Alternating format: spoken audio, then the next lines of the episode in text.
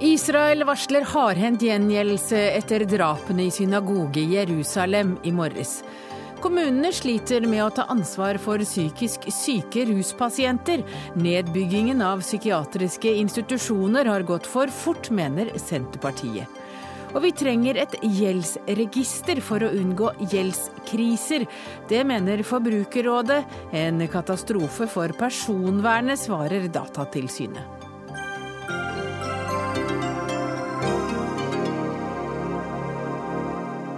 Akkurat nå er det også litterær Brageprisutdeling. SV er igjen på spor av heldagsskolen, og folk som vil bli norske statsborgere må kunne gjøre rede for seg og landet de vil bo i, både på norsk. Og Det er også noen av sakene i dagens sending. Velkommen til Dagsnytt 18. Jeg heter altså Hege Holm. Israels statsminister Benjamin Netanyahu varsler gjengjeldelse av drapene i en synagoge i Jerusalem i dag morges. Det var under morgenbønnen at to palestinske menn forkledd som ortodokse jøder drepte fire personer og såret åtte med pistol, kjøttøks og kniv før de selv ble skutt av politiet. Netanyahu sier han holder den palestinske presidenten Mahmoud Abbas medansvarlig for drapene, selv om Abbas har fordømt terroraksjonen. Hamas derimot hyller drapsmennene og oppfordrer til flere aksjoner som dette. NRKs Midtøsten-korrespondent Sigurd Falkenberg Mikkelsen, du er nå på vei til Jerusalem. Det er jo veldig sterke reaksjoner som kommer fra israelske myndigheter i dag. Men de aksjonene vi har sett i dag, det er vel på en måte en vending i den allerede blodige striden? Ja, det kan det fort bli. Og man skal huske på at det er tross all konflikten her, så er det svært sjelden at det er Eh, hellige steder som eh, angripes direkte på denne måten. Det skjer eh, svært sjelden. Og enda sjeldnere at det faktisk drepes mennesker. Det skjedde i Hebron i 1994, da det var et angrep på en moské der. Men det er sjelden at, at det er den type angrep. Og de bildene som har kommet ut fra synagogen i dag, de Eh, går jo rett inn i nasjonale traumer i eh, Israel eh, av døde, drepte jøder, ortodokse jøder. Sånn at det er klart at det som har skjedd nå, er svært alvorlig. Det har vært en utrolig, eller en uvanlig spent situasjon i Jerusalem lenge. Og, og hva kan det som skjedde i dag føre til? Altså, dette skjer jo på bakteppet av flere måneder med, eh, med, med en veldig, veldig, spent eh, situasjon i Øst-Jerusalem. Eh, det begynte etter en hevnaksjon for de kidnappede bosetterne i juli, da en 16-årig palestinsk gutt ble drept. Og siden så har det egentlig ikke roet seg. Det har vært flere angrep også på israelere, på sivile israelere, f.eks. disse bilkjøringsangrepene og en del knivstikking. Sånn at det gjør at situasjonen for mange eh, innbyggere i Jerusalem, på, i Vest-Jerusalem eh, oppfattes som, som, noe som minner om den andre intifadaen, da de følte seg veldig utrygge. Problemet til Netanyahu og den israelske regjeringen er at det er vanskelig å komme med mottiltak mot denne type angrep. Sigurd Falkenberg Mikkelsen, du er på vei til Jerusalem, skal vi skal slippe deg nå. Vi har med oss flere i studio, bl.a. deg, Jakob Høgilt. Du er forsker ved Fafo. Og nå sier altså Folkefronten for Palestinas frigjøring, PFLP, at det er de som står bak drapene. Hvem, hvem er de? Ja, jeg forsker ved PRIO, Fredsforskningsinstituttet. Jeg beklager. Men, men Midtøsten-forsker. Og PFLP det er en, eh, en venstreradikal organisasjon som ble danna i 1967, og som sto bak ganske mange aksjoner og terroraksjoner, kidnappinger, flykapinger og den type ting på 60- og 70-tallet. De er en eh, liten organisasjon i, eh, i Palestina i dag. Meningsmålinger jeg har sett der ligger de og vaker på en 2-3% oppslutning. Men de har, en, eh, de, de har en viktig plass i den palestinske kollektive bevisstheten. Men de har ikke vært veldig aktive de, de siste årene. Ingenting sånn som de væpna avdelingene til, til Fatah og Hamas. Men hva kan de oppnå med en så blodig aksjon som den i dag? Nei, De kan ikke oppnå så mye eh, konstruktivt når det gjelder å bevege en politisk prosess eh, framover. Jeg tror dette må Jeg er usikker på hvor eh, sterkt organisert denne hendelsen var, og i hvilken grad det var at disse to unge mennene handla Eh, har gått på egen hånd, men at de ikke, at de ikke lå noe sånn veldig sterkt organisatorisk bak. Det er jo ikke som Hamas, som har ofte ganske klare planer bak de attentatene og de, de rakettene f.eks. de sender inn i Israel. Dette var et, sånt, eh, et, et voldsomt eh, angrep hvor disse to var, var, ganske alene. Og jeg er usikker på om de egentlig hadde noe sånn fryktelig mye planer bak det. Jeg tror det ligger veldig mye i den desperate situasjonen mange jerusalemitter er i. For disse to var jo fra Øst-Jerusalem. Og Øst-Jerusalem, palestinerne som bor der, føler seg eh, undertrykket av Israel og glemt av eh, det palestinske lederskapet. Det er mellom barken og veden. Det er mye anarki der. Det har vært en forrådelse av samfunnet. Og Grunnen til det er at palestinsk politi har ikke adgang i Øst-Jerusalem. Og israelske uh, styresmakter de bryr seg ikke. Sånn at klaner, mafiaer, uh, vold, uh, voldelige kriminelle har egentlig ganske fritt spillerom i Øst-Jerusalem. Og det, det, er bakgrunnen som vi må se dette på. Nå har jo Hamas sagt at dette angrepet er en heroisk handling, og de oppfordrer også til flere drap. Hvor mye betyr det, og hvor mye betyr Hamas sin mening i Jerusalem?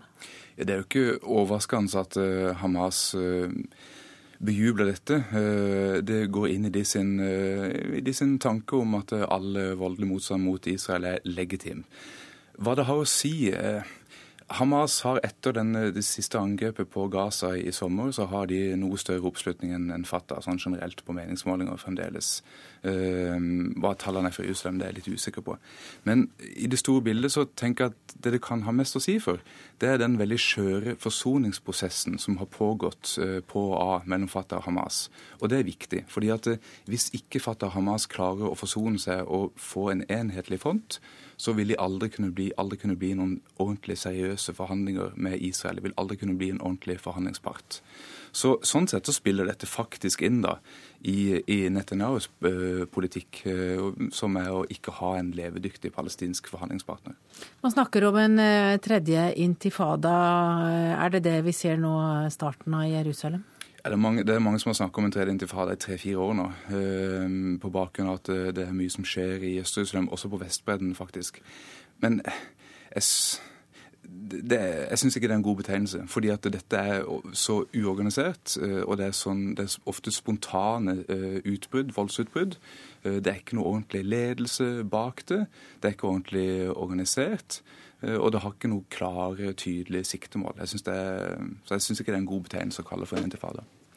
Marte Heian Engdahl, du er doktorgradsstipendiat ved Universitetet i Oslo, og du eh, har også studert Midtøsten.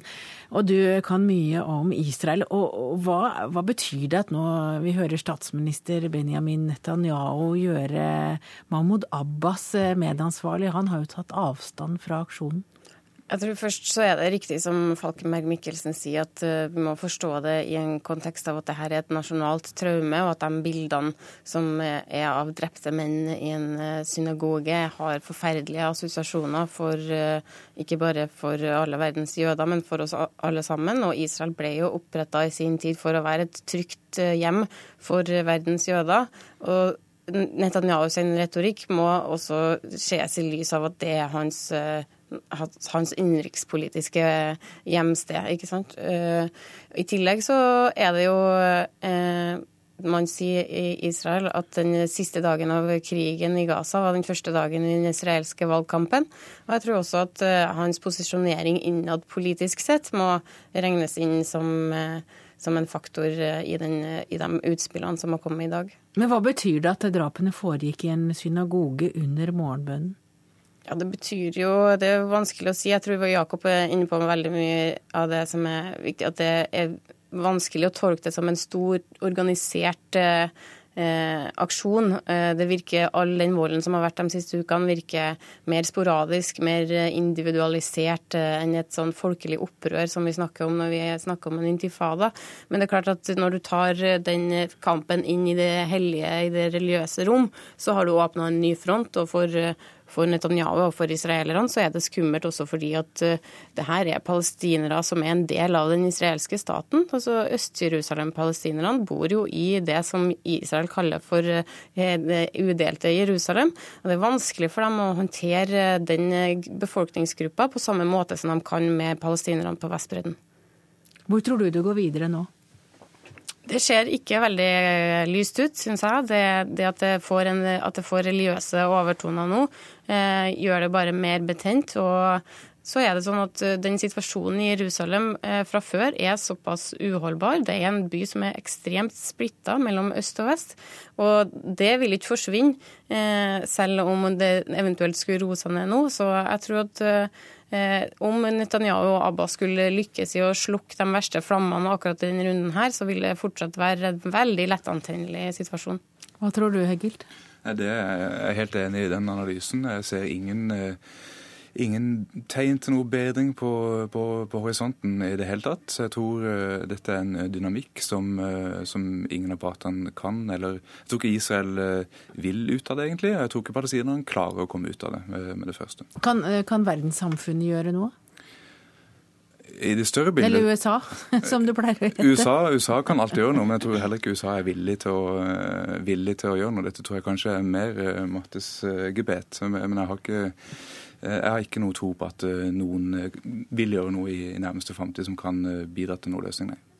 Jeg tror den prosessen som vi så at utenriksminister Kerry leda, som gikk i stampe for noen måneder siden før krigen i Gaza brøt ut igjen, det var jo delvis et uttrykk for at denne situasjonen er uholdbar, og at det på sånn måte er en varsla krise som vi står oppi nå, og som de ikke, som Jakob sier, ikke finner en vei ut av. Og da Eh, er det, tror jeg, tross de eh, rapportene om et forsura forhold mellom Israel og USA, lite som tyder på at det er gunstig i en amerikansk politisk kontekst å gå hardt ut mot Israel. Takk til dere, Jakob Høgilt, forsker ved Fredsforskningsinstituttet PRIO, og Marte Heian Engdahl, doktorgradsstipendiat ved Universitetet i Oslo. Dagsnytt 18 alle hverdager kl 18.00 på NRK P2 og NRK2.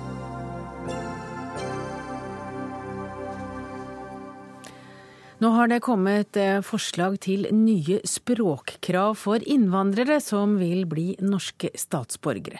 Og de skaper for i dag debatt. For i dag må alle som ønsker å bli nordmenn gjennom en test i norsk muntlig. Dessuten kreves det en prøve i samfunnskunnskap, men den kan man ta på eget morsmål. Nå foreslår regjeringen at begge prøvene må besvares på norsk. Og Ann-Kristin Helland Gujord, du er førsteamanuensis i norsk som andrespråk ved Universitetet i Bergen. og du mener mener at dette er altfor strengt. Hvorfor det? Nei, altså Det er veldig strengt. Altså, for det første så er det jo veldig problematisk at eh, altså at regjeringen ønsker å knytte statsborgerskap til ferdigheter. Altså Det er jo en dramatisk endring av statsborgerloven, for det første. Og dette her konkrete forslaget da, er òg veldig vanskelig, fordi at det er i praksis en stor språkprøve. Nettopp fordi du sier at vi har en samfunnskunnskapsprøve som de får opplæring i på morsmålet sitt. De kan ta den i dag på morsmålet sitt. Nå må den takes på norsk. Og det gjør faktisk at det er gruppe, altså Kvinner med liten skolebakgrunn eh, fra i områder ikke har noen reell sjanse til å tilfredsstille disse nye eh, kravene i statsborgerskapsprøven. Og Det er fordi at de ikke har eh, oppnådd den språkkompetansen i norsk som en krever for å kunne ta denne prøven på norsk. Masiar Keshvari, du er innvandringspolitisk talsmann og stortingsrepresentant for Frp. Du syns det er helt i orden du, at eh, begge prøvene skal gå på norsk. Hvorfor det? Vi mener at det er helt naturlig og burde være en selvfølge at mennesker som søker om å få norsk statsborgerskap, har et minstekunnskap om det norske samfunnet og behersker norsk språk på et lavt nivå. Eh, noe annet ville jo vært veldig merkelig. Og så er det jo slik at det allerede Det er jo ikke så lavt nivå, da. Hvis du skal forklare hvordan det norske samfunnet er bygd opp, så må ja, men, du ha en del eh, Programleder, da må du se på åssen eh, prøvene er utformet, for jeg har nemlig tatt den selv. Det er jo ikke veldig store skriftlige ferdigheter i og med at det er flervalgprøve som man kan krysse av. Nei, men men også er det jo slik i dag da, at man har plikt til både samfunnskunnskap og norskopplæring. Men vi mener det er meningsløst hvis man ikke skal se på resultatet av den opplæringa man er pliktig til. Og så er det helt helt riktig, samfunnskunnskapen kan tas på, på eget språk for å lære om det norske samfunn. Nei, men, men som nettopp- hovedregel, nettopp fordi som kan hovedregel så kan man søke om norsk statsborgerskap etter syv år i Norge. Og det å kunne norsk på et så lavt nivå, det burde være en Men det var samfunnskunnskapen som nå skal også skje på norsk. Ja, ved- når, når man søker om statsborgerskap, så har man eh, som hovedregel vært i Norge minimum syv år. Og det å da kunne redegjøre for helt elementære ting ved det norske samfunnet når man har flervalgsprøve på norsk, det er et minstekrav som vi syns er helt rimelig å stille. Gujord, nå skal du komme til ordet. Du Ja, sitter i. Bergen. Ja, det gjør jeg. Altså, jeg skjønner jo at uh, Keshvari ikke helt forstår vår kritikk når han tenker seg at det er en smal sak for alle innvandrere å lære seg norsk på et sånt nivå som det er snakk om her. Fordi at Vi er nødt til å skille mellom to ting. Det er én ting å lære å snakke, eller bruke norsk i helt hverdagslige sammenhenger og snakke om de nære, konkrete tingene. Noe annet er å snakke om eh, norsk når det handler om likestilling, når det handler- om eh, mer abstrakt eh, innhold. Og det er faktisk sånn at det er ikke mulig for store grupper av innvandrere å nå et sånt, eh, et, et sånt norsk nivå, rett og slett. Og Ja, hva skjer? altså- Det får de da ikke statsborgerskap? Ja, det, det er jo ingen dokumentasjon på at Jo, det det, er her har vi umulig. Ja, men Jo, Gujord- vi faktisk. Gujord, hvis de ikke klarer da den nye prøven på norsk, vil Nei, de da nei, det her er en misforståelse. De, det finnes altså to krav nå i dette nye forslaget. Det er et eh, ganske lavt krav til norsk. Da skal de kunne muntlige ferdigheter på norsk. Det er faktisk et nivå som de aller fleste kan nå. Men denne her samfunnskunnskapsprøven den krever i realiteten et mye høyere eh, språknivå. Men er det slik at hvis de ikke klarer den, eh, den med, på et høyere nivå, hvis de bommer og får for mange feil, så får de ikke Da Så får de ikke statsborgerskap, og det er jo dokumentert at de som ønsker statsborgerskap i Norge, det er ofte kvinner fra Somalia, Afghanistan, Iran. Det er kvinner som uten, altså med liten skolebakgrunn og som flykter fra krigsherja områder. De trenger den beskyttelsen som et norsk statsborgerskap eh, skal gi, og det er faktisk utelukka for dem. Og det er, altså de kan beherske et minimum av eh, norsk språk, men de har ikke den språkkompetansen som skal til for å kunne eh, snakke om likestilling og, på, på norsk. Og det er ikke det at de ikke forstår det, men de har altså en eh, ikke anledning til å tilfredsstille de kravene på norsk. Og det er jo òg litt meningsløst, for denne samfunnskunnskapsprøven som vi har hatt lenge, den har vi jo nettopp fordi at eh, vi ønsker at de skal lære om hvordan ting fungerer her i Norge, og der, vi tenker at det fremmer integrering.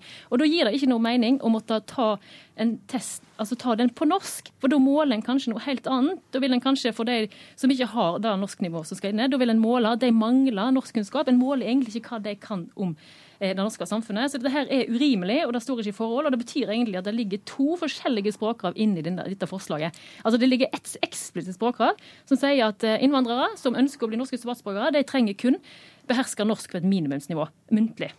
Men Altså, så ligger når, når nei, det nei, det til, ligger Nå har du fått lov til å holde på lenge Ja, her. nå må Keshvari slippe til Altså, her. 80, Ca. 84% av de som tok denne muntlige testen eh, i 2013, de klarte å beherske av den og besto og var på det riktige nivået. Det når, det kommer, når, det kommer til, eh, når det kommer til denne undervurderinga til eh, min motdebattant her, så vil jeg ta sterk avstand fra det. At det for flesteparten av er innvandrerkvinner Nå er det jeg som snakker. For at flesteparten av innvandrerkvinner så er det uoppnåelig etter som hovedregel syv år i Norge og kunne Nei, svare på ikke. enkle, elementære spørsmål om det norske samfunnet. Nei, men- Den type undervurdering av mennesker vil ikke jeg være med på. Det er helt grunnleggende eh, ting. Altså VG har jo hatt denne testen tidligere, og lytterne og seerne kan gå og se hva slags spørsmål det er. og det er poenget mitt. Og, og, at, det- og, det u- og at det ikke er overkommelig for mennesker å, å, å beherske og lære seg den kunnskapen og fremføre den på norsk etter så mange år i Norge, det, det, er, det er bare tull å si, Nei, og det har du ikke noe grunnlag for. For det andre så mener jeg at de som er ønsker å få norsk statsborgerskap, får nettopp det incitamentet de trenger for å beherske norsk. Vi har ikke noen målsetning om at det flest mulig, lettest mulig skal få eh, norsk statsborgerskap. For å bli borger av et land, så må man beherske en del elementære ting før man kan oppnå det. Men dette her handler ikke om at jeg tror at det er en gruppe av innvandrere som ikke kan forstå det norske samfunnet. Ikke i det hele tatt. Men det handler om at de ikke kan Det er det kan, du sa. kan- Du sa det var uoppnåelig for mange innvandrerkvinner. Nei, og skrive om det, og forstå det, og lese om det, og ta en prøve, prøve om det på norsk. Det er noe helt annet. Og det her er veldig viktig at de som er høringsinstanser forstår. Fordi at det, det handler altså ikke det hvis vi har en test som skal måle innhold, måle, forståelse av samfunnet, så må den for de gruppene skje på morsmål. De får jo undervisning på morsmålet. De kan jo ta testen på, på morsmål i dag. Hvorfor er det sånn da? Altså, jo, det for, er- fordi at det er, altså I begynnelsens fase så er det sånn at de må ha grunnleggende ja, kunnskap og forståelse om det norske samfunnet nei, de kommer til. Nei, Men når de er- søker da om statsborgerskap etter syv år, Nei, men de gir så er det ikke, ikke mye å kreve Testen tar de til to år. Det, det, her, det her må du sette deg inn i. fordi at denne testen, samfunnskunnskapstesten, den blir tatt inn for to år. Det er ikke sånn at noen sitter her i syv år, og så tar de en test. Nei, det Det er jeg klar over. ikke. Det er det jeg prøver Nei, å forklare deg. Og så det når de kommer Nei. da, så er det rimelig at de tar det på sitt eget språk. Men når de da søker om norsk Så statsborgerskap, ta så regel Ja, selvfølgelig må Ja, de beherske Fordi at de må vise at de behersker Ja, norsk på et lavt nivå og har minimum kunnskap om Ja, det landet de søker å bli. nå må dere være stille, for nå er, vi snart nå er vår tid snart over. Men Keshvari, du har jo ikke tatt den testen på norsk som vi snakker om her, for den, det er jo noe som eventuelt kommer i framtida. Det var noe VG eh, kom med og utfordra Frp-politikere på, på om vi hadde klart å bestå det og hadde dermed klart å få norsk statsborgerskap rett etter at dette ble kjent. Så jeg har tatt den på norsk. Men, men eh, forstår du at eh, Det kan jo hende du har forståelse for det norske samfunnet og kan uttrykke den, men du sliter litt med å finne de riktige ordene på norsk. Men du kan gjøre det hvis du kan gjøre det på ditt eget morsmål. Mm. Men- men Holder ikke det?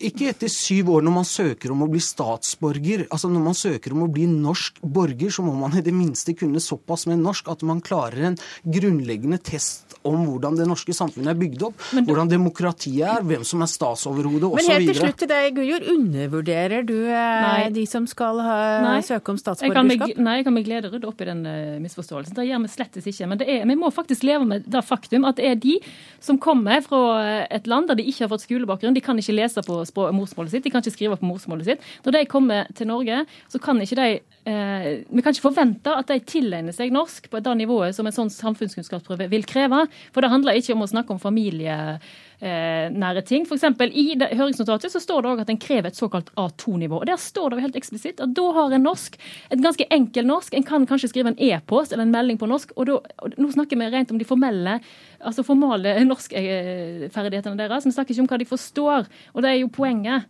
Altså, sånn som Keshvari snakker, så, så gir han jo så egentlig rett i vår antakelse, for han snakker om språkrav hele tida.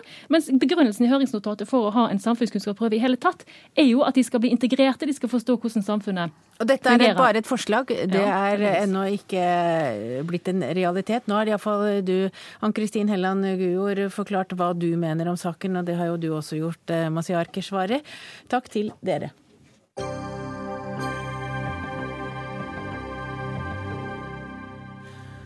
På få år har nordmenns kredittkortgjeld skutt i været. Vi skylder altså nå hele, ja det er jo et svimlende tall, 72 milliarder kroner. Og det er jo kanskje da ikke rart at mange får problemer med å betale gjelden tilbake.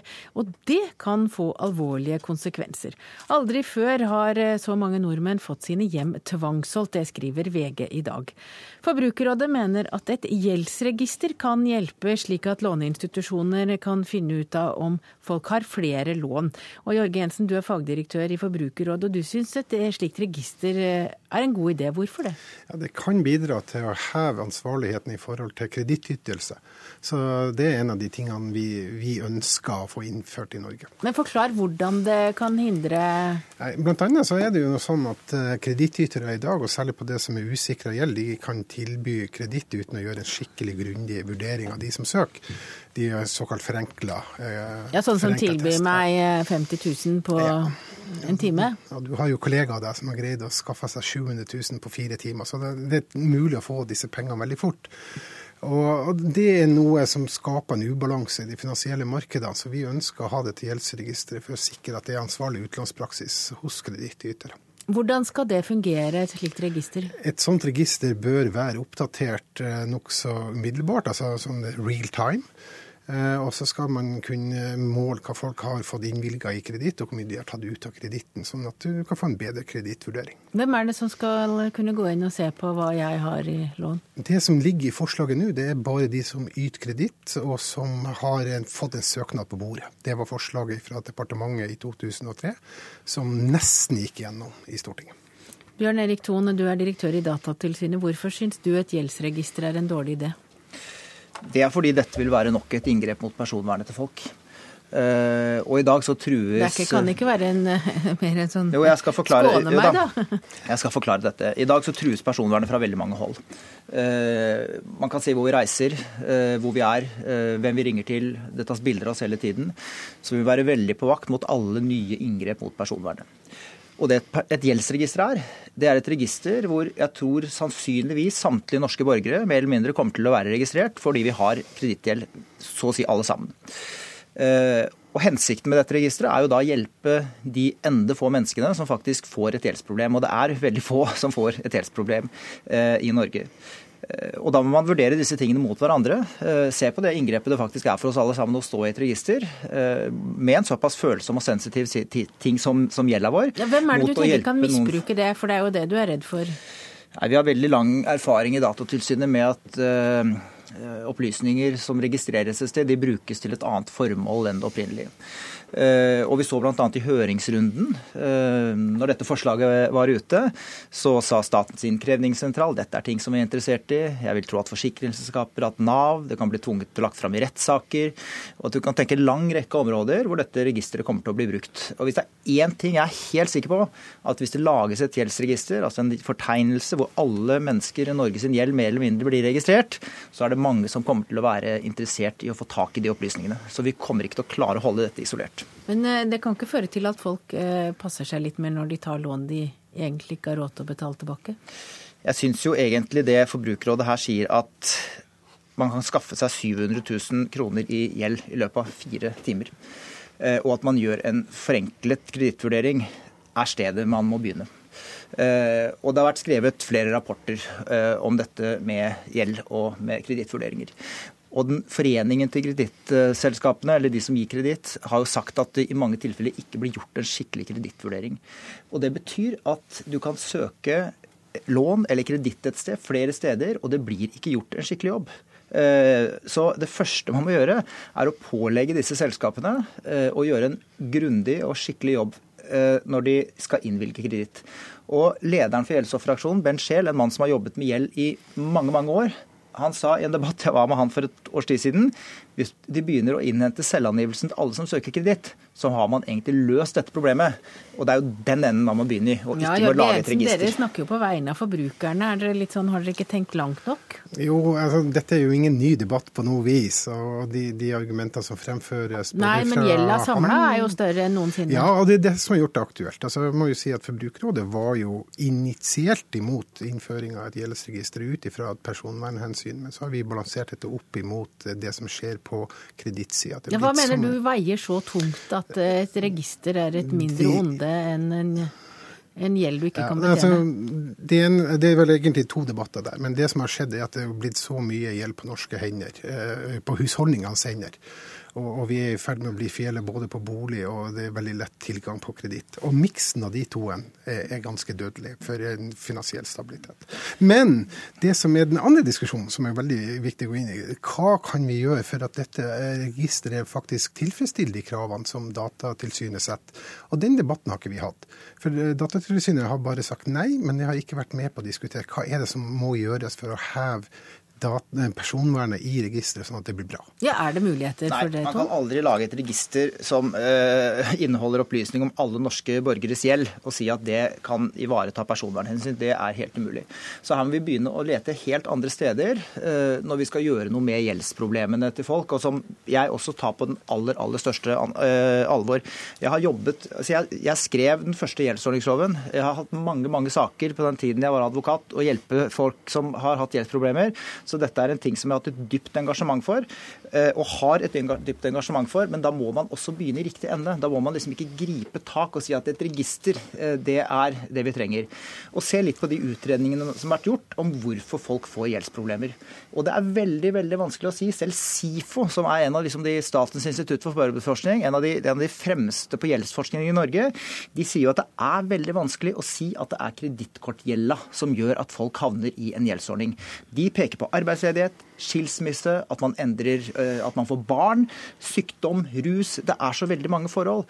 Og det er en veldig, veldig lettvint og en veldig trist ting, synes jeg, at Forbrukerrådet plutselig har grepet fatt i dette. For det de burde gjort, er å begynt med kredittvurderingen, med grundige analyser om hvorfor folk får gjeldsproblemer, De burde sett på rentetak. Jeg så på noen av de tilbudene som ligger ute i dag. Folka tilbyr i dag et lån med én måneds nedbetalingstid. 5000 kroner, effektiv rente 414 det er der man må begynne å jobbe. Har dere gjort det, Jensen? Ja da, ja, da, vi har vurdert det. Ja, Men fortsatt så er det jo folk som får disse lånene. da. Ganske, det er en helt aktuell debatt. Altså, Vi er nede i Europa hvor dette diskuteres hele tida. Jeg må jo også bare nevne at det er 18 europeiske stater som allerede har et gjeldsregister. Ja, Sverige har vel? Ja, Jeg er ikke sikker på om personvernet er helt pillråttent der. Men, Nei, men, men, men spørsmålet, spørsmålet, er jo om det er færre folk som har gjeldsproblemer i Sverige. Og det er jeg ganske sikker på at det ikke er. For det er det spørsmålet dere må stille dere, og det er det spørsmålet jeg har forsøkt å stille politikere som jeg har snakket med dette om også, er det færre gjeldsproblemer i de stedene hvor, hvor, uh, hvor det er innført en, en, et gjeldsregister. Og det er det ikke. For det er helt andre strukturelle ting som ligger under at man får gjeldsproblemer. Ja, enn, den, enn dette gjeldsregister. Den sammenligninga der er selvsagt veldig komplisert å gjøre. Vi har ikke gjort det. Og vi skal ikke gjøre den her. Takk for at dere kom fra denne lille runden om gjeldsregisteret i ettermiddag. Bjørn Erik Thon og Jorge Jensen.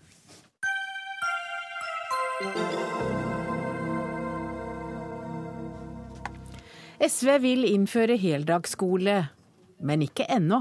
For i SVs alternative statsbudsjett nøyer partiet seg med å foreslå at det innføres en maksgrense for hvor mange elever en lærer kan ha. Og Torgeir Knag Fylkesnes, du er utdanningspolitisk talsmann for SV, og dere kaller dette første skritt mot heldagsskolen. Eh, hvordan henger det helt sammen? Eh, vårt utgangspunkt har vært eh, spørsmålet hvordan kan vi styrke forholdet mellom lærer og elev? Hvordan kan vi fjerne de tingene som er uvedkommende for det forholdet der, og hvordan kan vi styrke den relasjonen der? Og eh, For lærere så har vi sett at vi har, en, vi har rett og slett behov for flere lærere i skolen hvis vi skal nå målet om tilpasset opplæring, og at alle elever blir sett. Derfor ønsker vi å få en bemanningsnorm, og det er det første vi gjør. Men, men hvorfor tar dere ikke flere skritt mot heldagsskolen? Heldagsskole er jo en idé som har versert veldig mange år? Ja, Det er jo flere skritt vi her gjør. Så Første skritt er å etablere en bemanningsnorm, sånn at vi får flere lærere i skolen. Eh, og, og, så neste skritt igjen eh, er rett og slett å, å, å, utvide skoledagen. Ikke nødvendigvis timetallet, men rett og slett ta par timer.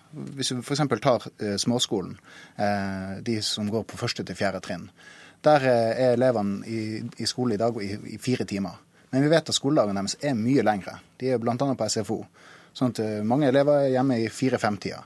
Hva hvis vi tar to timer fra SFO og integrerer den i skoledagen? Så kan de jobbe med oppgaver, gjøre fysiske aktiviteter, kulturaktiviteter osv. Så sånn at når de kommer hjem, så har de ikke lekser, og de har gjort fysiske aktiviteter, og de har også fått frukt og grønt. Så da legger dere ned SFO, og så blir det obligatorisk la oss si sekstimers dag eh, Ja, da utvider vi eh, skoledagen til det faktisk eh, den skoledagen som, som, barn har i dag. Så Dermed så har vi både gjort tiltak for å styrke lærerens situasjon, eh, og det vil også rekruttere flere lærere til skolen, gjøre at de i større grad kan være lærer. Og så har vi gjort noe, har vi organisert skoledagen rett og slett bedre. Men det er jo ikke alle som er enige om at færre elever per lærer er nødvendigvis gir bedre læring? Nei, det, det, er jo de som, eh, som mener at, at, det har ingenting å si hvor mange elever læreren har. At det rett og slett bare spørsmål om kompetanse hos lærerne. Men hvis man ser hva type forskninga, hva, hva forskninga sier internasjonalt, så ser man at det er en veldig sterk sammenheng mellom både kompetansenivået til lærerne og hvor mange eh, elever hver enkelt lærer har. Sånn at, uh, her er det noen som bruker forskninga politisk for å ikke satse. Ja, det gjør vel alle. Eh, Henrik Asheim, du er utdanningspolitisk talsmann for Høyre, og du syns ikke denne tanken om heldagsskolen eller den litt sakte marsjen mot heldagsskolen er god. Hvorfor det? Nei, jeg syns vel egentlig at Fylkesnes innlegg avslørte at man skal forlenge dagen, men ikke fylle med noe mer. Og det er jeg ikke noe særlig for. Jeg mener ikke at oppholdet på skolen er noe mål i seg selv. Eh, og da mener jeg at vi heller skal bruke ressursene på det vi vet at virker. Han som... sa det akkurat, at de skal uh, gjøre fysisk aktivitet ja, og Men det er akkurat det. De skal fylle det med fysisk aktivitet, med mat, med alt sånne ting. Gjøre skolefritidsordningen til obligatorisk skole. Men det er jo ikke det vi trenger i norsk skole nå. Fordi det som er utfordringen vår, er at vi sånn var det da Kristin Halvorsen var eh, kunnskapsminister, og det er det nå. bruker mest i verden per elev. Men vi får ikke de beste resultatene i verden ut. Og da må vi se på hva er det vi bruker ressursene på. Og så har vi sagt at hvis du da ser på forskningen, ser på hva det er som faktisk skaper læring i klasserommet, så er det først og fremst faglig oppdaterte, dyktige lærere. Det har vi masse av. Men de trenger også mer påfyll, og vi trenger enda flere flinke lærere. Så vi bruker pengene på å løfte statusen for læreryrket og sørge for et historisk videreutdanningsløft for de lærerne som er i skolen. Og det er de pengene han vil bruke på å lage hel- heldagsskole, er det det? Nei, altså, for, for, la meg si det slik, SV har jo etter ti år lagt frem sitt første alternative statsbudsjett. og det er klart at eh, Da eh, øker de jo skattene dramatisk og bruker mye penger på det. Men Ja, la oss si, men la oss si for det interessante som SV gjør, og det er en interessant politisk debatt, det er de sier at de vil nå sette i gang skrittene mot en heldagsskole. Så la oss si at vi over eh, flere år, og det skal jo alle partier gjøre, bruke så mye penger inn i norsk skole. Milliarder av kroner. Hva skal vi bruke det på? Og da sier vi at det er viktigere å bruke det på eh, å satse på lærerne, sørge for at undervisningskompetansen går opp, sørge for at de lærerne vi har i skolen får et statusløft og får videreutdanning. Men da vil vi ikke prioritere å gjøre skolefritidsordningen til obligatorisk Og skolefritid. da sier du Fylkesnes ja takk, begge deler. Begge deler. Ja, altså, Det er jo ikke til å legge skjul på at vi er sterkt imot de formuesskattekuttene som Høyre gjorde. Ja, som, altså dere vil bare, Men dere vil også Så- etterutdanne lærere og gi Ja, altså den, vår, vår satsing den kommer på toppen av det denne regjeringa gjør. Eh, Faktisk så er hele den satsinga vi gjør på, på kunnskap fra barnehage til forskning, 4,3 milliarder mer enn det regjeringa gjør. Og Det er jo akkurat det samme som de har gitt i skattelette til de rikeste. Men la nå det. Ja, så det er eh, formuesskatten som kommer igjen her. Men, Ja men Fylkesnes, bare igjen, jeg må, jeg må si det. Jeg kan ikke la være å si at altså, etter åtte år i regjering så har vi jo ikke kommet noe nærmere heldagsskolen enn det vi var eh, før eh, SV gikk inn i regjering. Men nå kommer den tilbake. Hvorfor det? Nei, vi, altså Vår heldagsskole, den, altså, gjennom vår tid i regjering, så har vi jo utvida timetallet. Den har blitt en lengre eh, skoledag. Den nye regjeringa har jo kutta i timetallet, men bl.a. å fjerne, kulturskoletimen. Eh, vi har innført eh, frukt og grønt i skolen. Det er en del av vår eh, satsing på, på heldagsskolen. Og vi har også økt fysisk aktivitet. Og så har vi økt antall lærere i skolen, bl.a. 600 flere lærere på ungdomsskolen.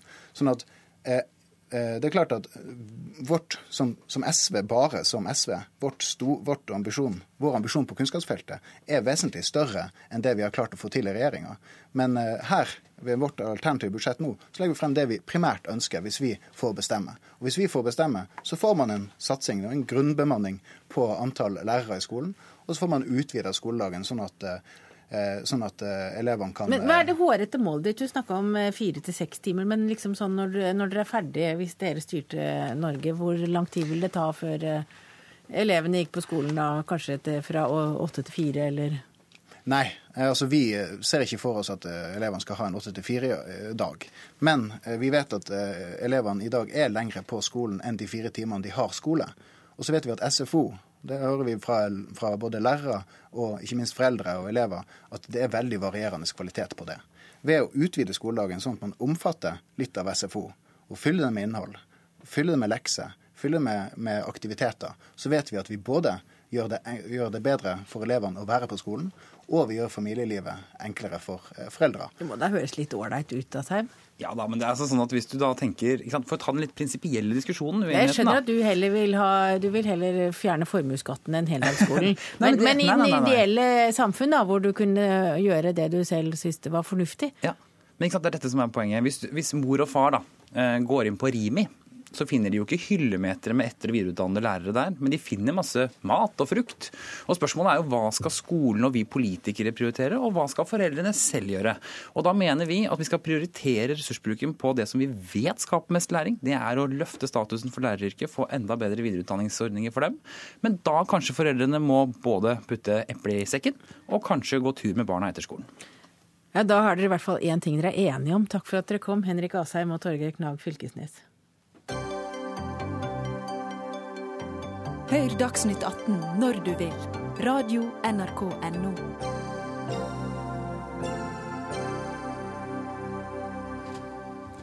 Jeg tror ganske mange mennesker ble rystet når de så på Dagsrevyen i går at man eh, lastet ned konteinere i Giske kommune i Møre og Romsdal eh, fordi man skulle gjøre det om til boliger for psykisk syke med rusproblemer som ikke hadde noe sted å bo. Og i en undersøkelse NRK har gjort av landets 240 kommuner, så svarer altså et flertall at eh, de har fått ansvar for pasienter som er så syke og utagerende at de burde vært på institusjon. Og helseminister Bent Høie, hvordan reagerer du som på en måte den øverste myndigheten? Nei, Jeg syns at dette ikke er bra. Og det er jo et problem at vi i Norge i dag ikke er flinke nok til å hjelpe de som har de aller største behovene, og det er de som har en kombinasjon av psykiske helseutfordringer og rusavhengighet. Det er det ingen tvil om. Og Derfor må vi bygge opp tilbudet til denne pasientgruppa, både i kommunene og i sykehusene, eller det som jeg kaller for spesialisthelsetjenesten. Eh, og så må de bli flinkere å samarbeide. Fordi at det, eh, det er òg gode eksempler på kommuner som får dette til, men de får det ikke til alene. De må, eh, der må de få hjelp fra de som jeg har direkte ansvar for, nemlig sykehusene. Og så må de jobbe sammen, ikke bare korte perioder, men over, over lengre tid. Og så er det òg viktig at vi jeg tenker på at tilbudene skal være Men er det noe galt med Giske kommune, da, som ikke får det til? Altså det, det, jeg skylder ikke på Giske kommune, eh, men det er en utfordring at vi har en del mindre kommuner som har veldig små fagmiljøer på dette. Eh, vi er nødt til å bygge opp tilbud. Derfor har regjeringen foreslått i statsbudsjettet å styrke kommunene på dette området. Men vi er òg nødt til å få sykehusene våre til å samarbeide bedre med kommunene og være ute i kommunene og hjelpe eh, kommunene. Og det vi ser, det er at der en gjør det, så er det en fordel for alle parter. Først og fremst for den som har behov for hjelp. Eh, det handler om bolig, det handler om arbeid, det handler om behandling. Det handler om å unngå tvang. Det handler om å unngå unødvendige eh, eh, innskriving på sykehus når en kan leve godt i sitt lokalmiljø. Men det handler òg om at det er bra for samfunnet, det er bra for kommunen, lokalmiljøet, og det er bra for sykehusene. Så dette er en vinn-vinn-situasjon hvis en bare evner og samarbeide godt. Men noen steder men, det kan jo, men når du så på reportasjen i går, så, så tenkte vel mange at nedbyggingen av psykiatrien og psykiatriske institusjoner har gått litt raskt? Det som, jeg, det som det historien viser meg, er at vi må bli flinkere og vi må bygge opp tilbudet begge steder. Men det som jeg syns var trist med den reportasjen i går, det var at det igjen ble en sånn eh, situasjon der en står og peker på hverandre. Du har ansvaret. Nei, du skulle tatt ansvaret. Det er nettopp det som har ført så ille av sted, av sted tror jeg, for denne pasientgruppa at uh, ingen vil ta ansvar. Uh, alle skylder peker på noen andre. Det som trengs der, det er at de tar et felles ansvar og ikke peker på at den andre ikke gjør jobben sin, men at en jobber sammen. Er det problemet, Dagfinn Bjørgen, du er landsleder i Mental Helse? At alle peker på hverandre? Det er klart alle peker på hverandre i en slik situasjon, det ser vi. Eh, samtidig så mener vi at eh, spesialisthelsetjenesten må ta et større ansvar i forhold til de vanskelige gruppene som er der ute. Spesielt når man ser at kommunen ikke har kompetansen, så mener vi at det er fraskriving av ansvar fra spesialisthelsetjenesten også. Og vårt problem er jo det at vi ser at mange blir skrevet ut for tidlig. Og det handler om at man ikke har eh, kapasitet nok i spesialisthelsetjenesten. Men i går hørte vi altså om en gruppe pasienter som skrives ut og kommer hjem til kommunen sin, og ingen vil ha dem som naboer, og de har problemer, altså de har problemer med å bo. Altså det må jo være en grunn til at kommunen må skaffe dem bolig når de kommer hjem fra sykehus, altså at de ikke har en bolig før de reiste inn. Er dette en stor gruppe som er så utsatt? Det er en, eh, ikke en stor gruppe, men det er en, klart en eh, ganske Det er mange eh, av denne gruppa som har Og Da snakker vi noen tusen, eller? Ja, Hvor mange det er på landsplan, det tør jeg ikke si, men eh, det er det nok eh, kanskje. Det er, I hvert fall så er det slik at eh, det er mange av disse som må ha hjelp til å bo, og de må ha hjelp i en periode, en overgangsperiode. Og Der mener vi at spesialisthelsetjenesten ikke bygger på å bygge relasjoner og videreføre det inn i kommunen. Og det er et problem. Ja, Hva kan spesialisthelsetjenesten gjøre? Ved å rett og slett holde tak og være med pasienten lenger. Og jeg, vi er helt klar på at eh, mange blir skrevet ut for tidlig i forhold til eh, problematikken sin. Hvorfor blir de skrevet ut for tidlig, Bent Høie? Er det fordi at det er krav til sykehusene om å skrive ut pasienter så raskt som mulig? Jeg mener at det er mange eksempler på at pasienter skrives ut eh, for tidlig, rett og slett i form av at en skrives ut et tilbud som ikke er godt nok, og uten at sykehusene og spesialisthelsetjenesten er med på å følge opp og gi et tilbud eh, lokalt. For det, det er nettopp det som eh, i mange tilfeller trengs. Og at en har en trygg sik sikkerhet som eh, pasient om at hvis jeg begynner å føle meg dårlig, så er det ei seng som venter på meg. Det at en har f.eks. pasientstyrte senger, kan legge seg inn sjøl, slippe å gå den lange veien og på en måte dokumentere og vise hvor syk en er før en får hjelp. Og det å ha en kriseplan som en har enighet om mellom kommunen og sykehuset og, og pasienten, som sier at når jeg ser disse symptomene, da skal jeg slippe å eh, måtte gå hele løypa en gang til. Da har vi en avtale om hva som skjer. Enten det er at en stiller opp med hjelp lokalt, eller at en, eh, en vet tryggheten av at det står en seng og venter f.eks. på det distriktspsykiatriske senteret. Så det er sånn som vi ønsker det skal være. Men det er ikke sånn som det er. Nei, og, og, derfor, derfor, må vi bygge opp tilbudet både i spesialisthelsetjenesten og i kommunen. Vi har med oss eh, en, eh, en, dame til. Vi har med oss stortingsrepresentant for Senterpartiet, Kjersti Toppe. Og i grunn, Bak meg her så syns jeg jeg hører melodien av Samhandlingsreformen, som jo var en av deres store reformer. Og det var jo nettopp det at man skulle desentralisere, skrive ut folk fra sykehus, og så skulle de tas imot i, i kommunene, og der skulle man bygge opp et eh, distriktssenter. Har det ikke skjedd, det dere ville skulle skje? Mm. Eh, nå har jo eh, Samhandlingsreformen ikke fungert eller har ikke hjelp for akkurat denne pasientgruppa. Så det er ikke, en kan ikke skylde på, på, på, den. Men en har jo hatt en vilje i psykiatrien til å bygge mer ut desentralisert. Det starta jo med den opptrappingsplanen for psykisk helse som ble avslutta i 2008. Eh, og det har skjedd mye positivt, men jeg har en stor bekymring nå. Eh, fordi at eh, nedbyggingen av sengekapasiteten i psykisk helsevern har gått for langt. Den har gått for raskt, for vi ser at kommunene har ikke rokket å bygge opp sitt kommunale tilbud før psykisk helsevern har lagt ned senger. Så jeg mener at Bent Høie må gjøre to ting. Han må stoppe den omleggingen og nedbyggingen av senger i psykisk helsevern inntil eh, kommunene har fått bygd opp. Og kommunene må få penger til å gjøre det. Det må komme en ny opptrappingsplan i kommunene med øremerka midler. Eh, for hvis ikke så vil vi få se flere uverdige episoder. Og jeg mener det som skjer nå, eh, det er å forskjellsbehandle pasienter ut ifra diagnose. Ja, Bent Høie, vil du gjøre det? Stoppe nedleggelse av sykehussenger innen psykiatri? Ja, vil, inntil kommunene er klare? Jeg vil, jeg vil, stoppe den nedbyggingen av den spesialiserte uh, psykiske helsetilbudet som eh, starta etter forrige regjering fjerna den gylne regel. Uh, fordi det som Hva var den gylne Den gylne regel som uh, Høyre innførte sist vi var i regjering, det var jo nettopp regelen som skulle ta vare på resultatene for opptrappingsplanen. Nemlig at vi skulle ha en høyere vekst innenfor psykisk helse og rus hver for seg i alle helseregioner. Den har vi nå gjeninnført. Fordi det vi så resultatet av når den ble fjerna, det var at i 2013 så så vi en nedgang i antall årsverk innenfor det spesialiserte eh, psykisk helsetilbudet. Og vi så en nedgang i antall behandla pasienter.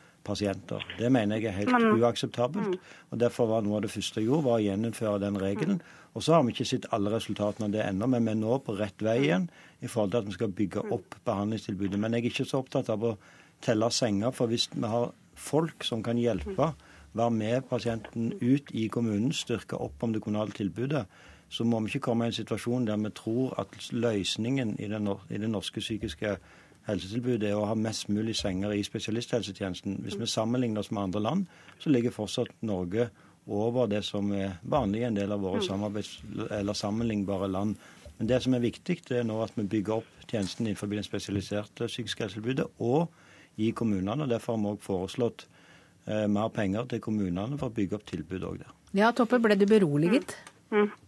Eh, nei, dette er jo bare å videreføre en situasjon som viste seg ikke fungerer. Det trengs øremerka midler til i kommunene. Det er ikke nok det som Høie har levert på statsbudsjettet for neste år. Eh, og eh, jeg mener òg Høie bagatelliserer det som mange fagfolk nå roper varsku om, nemlig at nedbyggingen av senger i psykiatrien har gått for langt, slik at mange pasienter blir kasteballer, og at de med mest alvorlig sykdom ikke får det behandlingstilbudet de har krav om. Og Dette akselereres òg i neste års statsbudsjett, der det står at 50 eh, millioner blir tatt fra sykehuspostene over til enda mer poliklinisk behandling. Så jeg mener at det som Høie nå syr sammen i psykiatrien, ikke stemmer med det som er behovet ute for de som har problemer som trenger hjelp. Omleggingen har gått altfor langt, og en burde stoppe opp i det minste foretatt tatt en, en, en pause fra den nedbyggingen som har, som har, skjedd. og Noe av det har vært bra, men nå mener jeg at det har gått altfor langt. Og Du sitter og nikker, Dagfinn Bjørgen? Ja, nå er det jo flere regjeringer som er ansvarlig for at man tenker at man skal ut i kommunen uten at man bygger opp tilsvarende i kommunen til at man faktisk eh, får det tilbudet på plass før man, får, uh, før man nedlegger noe annet. Men det andre som er mer alvorlig, det er nok det at det er noen grupper hvor spesialisthelsetjenesten er nødt til å følge lengre. Og der er det snakk om at man må også ha et annet syn på behandling. For man slipper ikke folk ut bare sånn som man gjør her. Når du snakker om et annet syn på behandling, hva tenker du på da? Det er sånn at du skrives ut når symptombildet ditt, som det heter, når er gått ned ned. Og så er det sånn at da er det stopp på oppfølging fra spesialisthelsetjenesten. Istedenfor at man faktisk også innfører at man skal ha omsorg for pasientene en god stund etterpå, for å faktisk støtte pasienten. Og pasienten er faktisk der at den vil gjerne komme seg tilbake, vil gjerne ha en recovery oppi dette her. Men da må altså tjenestene faktisk erkjenne at de må følge lengre. Og det koster penger også på spesialisthelsetjenesten. Er det der det strander, egentlig? Ja, altså at det koster penger? Dette er jeg helt enig i, og det er helt i tråd med det som jeg òg tenker. Og da er ikke svaret å telle senger, men da er det bl.a. å telle årsverk og sikre at det er nok folk i den spesialiserte psykisk helsetilbudet, som vi òg sikrer blir med pasientene ut i kommunen, følger opp og har et tilbud både i form av at en har en tilbud å hjelpe til i kommunen, men òg så skal det være senger som gir trygghet for at når behovet for det er til stede, så kan en komme tilbake. Men, men, det er jo faktisk slik at, eh, at, det er ikke sånn at man ikke kan være uten senger heller. Nei, det og, er helt og, det kan er... ikke sengene bare legges ned den dagen det ikke er bruk for dem, istedenfor å legge ned sengene først og så fjerne behovet? Ja, men det, det som jeg må være klar over, at utfordringen ser litt ulikt ut i ulike deler av landet. I noen deler av landet så har en kommet veldig langt i å finne en god balanse, ja, mens i andre deler av landet så har en ikke det. Så hvis jeg nå hadde låst strukturen sånn som den var i dag i hele landet, så hadde jeg gjort urett. Det må være litt forskjell, fordi en er kommet litt ulikt i ulike deler av landet. Men det som er viktig, det er at vi snur den utviklingen som var før vi overtok, nemlig at vi begynte å spise av resultatene av opptrappingsplanen. At vi begynte å se en nedgang i antall ansatte innenfor psykisk helse i spesialisthelsetjenesten, og vi så en nedgang i antall behandla pasienter. Den utviklingen må vi snu, og vi må se helt andre resultater i årene framover. Og det har jeg lagt til rette for gjennom en økt vekst i sykehusenes budsjetter, men å gjeninnføre den gylne regel som nettopp prioriterer denne pasientgruppen. Kjersti Toppe, bør vi tilbake til den gangen vi hadde større institusjoner? Eh, nei, det er ikke det dette handler om. Det handler om at vi skal ha, ha litt av institu institusjonene igjen, eh, slik at de òg har et spesialisert eh, tilbud. Iveren etter å få mest mulig ut desentralisert har, har nå gått på bekostning av det spesialiserte tilbudet. Og vi, vi trenger en mye bedre balanse. Men, men, dette En snakker jo om, om to ting. Det er viktig at en nå ikke får enda færre senger. Ja, en må snakke om senger, for det er det her det er så ekstremt farlig hvis en ikke har et slikt tilbud til de som er mest alvorlig syke.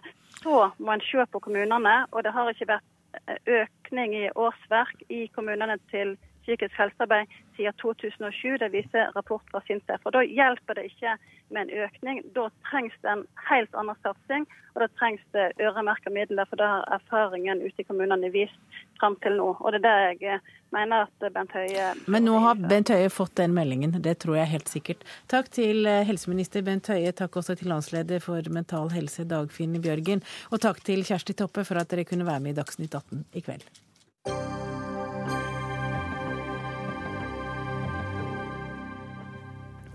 Akkurat nå tildeles litterære priser. Det er Bragepriser som nå drysses ut over Dansens Hus her i Oslo.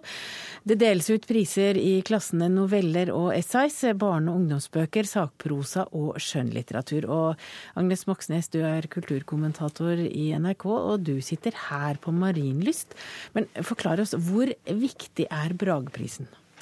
Den er i ferd med å bli en, en, av de absolutt viktigste litterære prisene i Norge. Men den er jo ganske ung ennå, 22 år gammel, så den driver og kniver om liksom, den gjeveste posisjonen med, med bokhandlerprisen, som skal deles ut om en uke fra i dag. Å, så spennende. Det er flere priser å eh, kives om.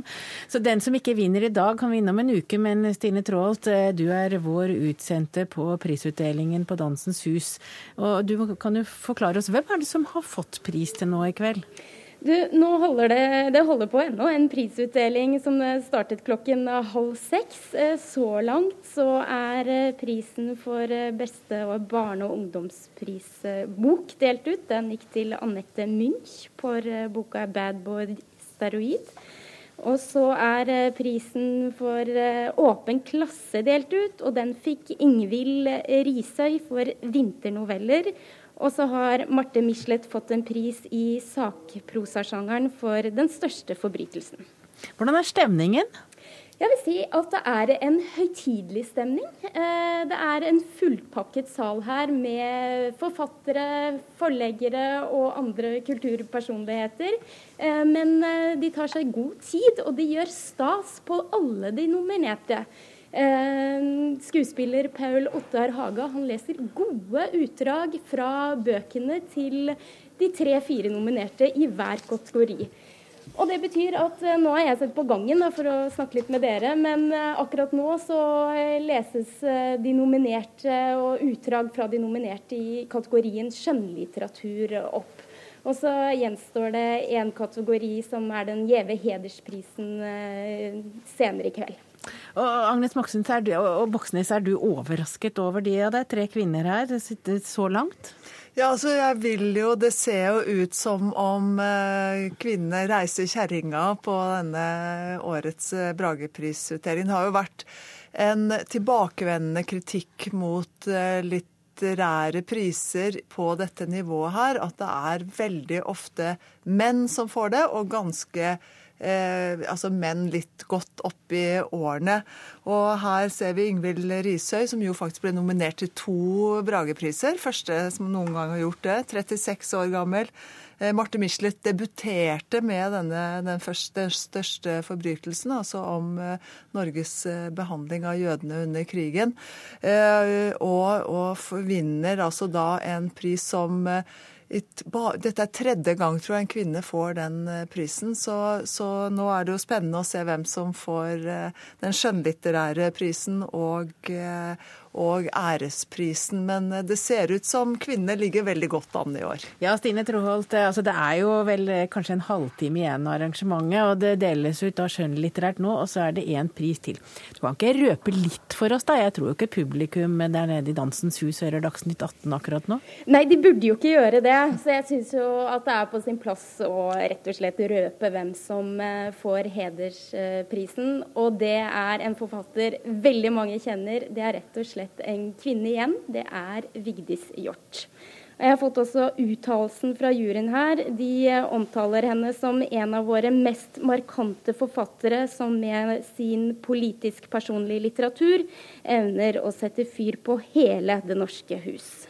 Ja, da sitter du og smiler, Agnes Moxnes. Ja, jeg syns det er en, en, på sin plass å løfte Vigdis Hjort inn i, i blant liksom æresprisvinnerne. Hun har jo vært en veldig markant og tydelig forfatter på sin helt spesielle måte helt siden hun debuterte.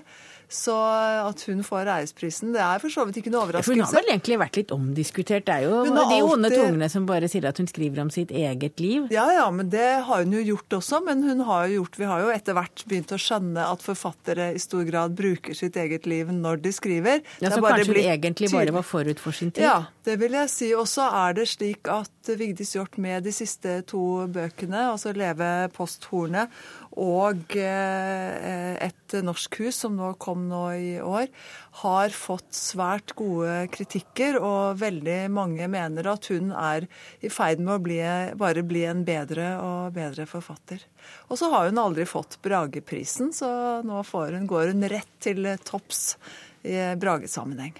Du sier det at Brageprisen det startet jo som en eh, altså det, det er en pris som er 22 år gammel, så du sier den er ganske ung. Men det startet jo som en svær greie med TV-overføring og litt pomp og prakt. Og nå er det mer blitt en sånn hverdagslig ting de gjør klokka halv seks Ja, de gjør det litt mer eh, diskré, eh, fordi man vet at TV-overførte eh, utdelinger er dørgende kjedelig TV.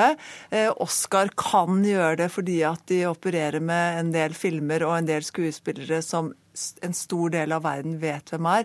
Men dette, altså Bragepris, eh, Brageprisen er en, en kvalitetspris. Det er liksom ikke for de ikke bestselgerforfatterne heller. Det kan jo godt være det, men det er liksom en, en, en, gjev gruppe bøker som det knives om prisen til, sånn at det gjør den til en viktig pris.